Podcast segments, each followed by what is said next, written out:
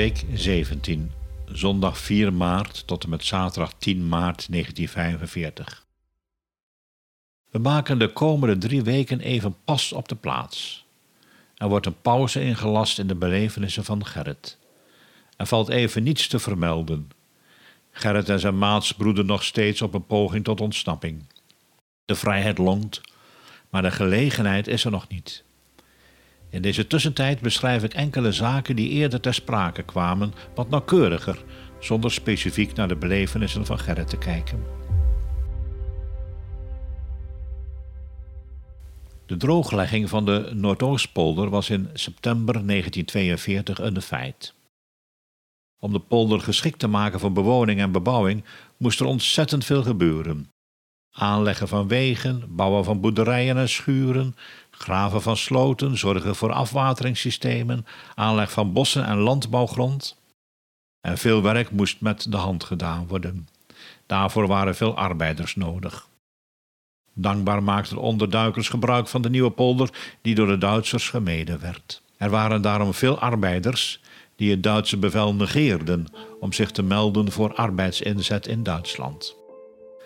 De afkorting NOP werd daarom al snel Nederlands onderduikersparadijs. De arbeiders verbleven in barakkenkampen. Een kamp bevatte al snel 400 tot wel 500 bewoners. Het waren dorpen op zich. Vele arbeiders woonden daar. En de kampen kregen namen als Krachenburg, Marknesse, Nagelen, Ens of Emmeloord, wat later ook de namen van de dorpen werden. De Duitsers waren op de hoogte van het verblijf van onderduikers, maar vanwege de ontoegankelijkheid van dit gebied deden ze niets. Tot 17 november 1944. 4000, ja 4000 Duitse militairen trokken het gebied in.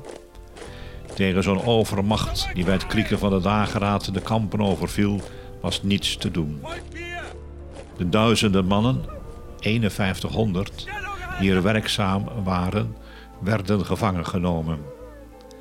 Later werden de ouderen, dat waren de 45-plussers, vrijgelaten. De jongere mannen werden allen afgevoerd naar Duitsland voor de arbeidsinzet aldaar. De vader van Gerrit werd ook opgepakt, maar vanwege zijn leeftijd later weer vrijgelaten. De rubberlaarsen van Gerrit, die onmisbaar waren in de drassige polder, werden door de Duitsers in beslag genomen. Op kousenvoeten moest Gerrit de reis maken naar Vollenhoven en je kunt je haast niet voorstellen hoe hij zich gevoeld moet hebben. In Vollenhoven werden de mannen in een school ondergebracht. Vollenhoven werd overspoeld door Duitsers en gevangenen. De chaos die ontstond door de komst van zoveel maakte het mogelijk dat tientallen jonge mannen ontsnapten. Die werden opgevangen door de inwoners van Vollenhoven en voor de Duitsers verborgen gehouden. Onder de gevangenen waren zo'n 80 Urkers. Om de dank van Urk aan Vollenhoven zichtbaar te maken, is er in het gemeentehuis van Vollenhoven een marmeren gedenksteen geplaatst door de Urker gemeenschap. Van Vollenhoven ging de reis naar Meppel. Gelukkig had Gerrit in Vollenhoven van de Duitsers schoenen gekregen. Toen ze in Meppel arriveerden, ging het luchtalarm af. Volgde daar een bombardement? Nee, de Duitsers deden dit opzettelijk om de inwoners van Meppel binnen te houden. De Duitsers ontdekten dat onder de gevangenen een Jood bevond. Hij werd het mikpunt van hun satanische spot. Volgens diverse bronnen heette deze Jood Abraham Vuistje. Toen de Duitsers hun spel nogmaals met hem wilden spelen, was hij verdwenen. Omdat het klein van stuk was, kon hij zich verstoppen in de grote gamellen waarmee het eten gebracht werd. De Duitsers hebben nooit ontdekt hoe het gebeurd is, hoe ze ook de mannen die in zijn lokaal verbleven onder druk zetten. Mogelijk kreeg hij ook hulp van een goede Duitser.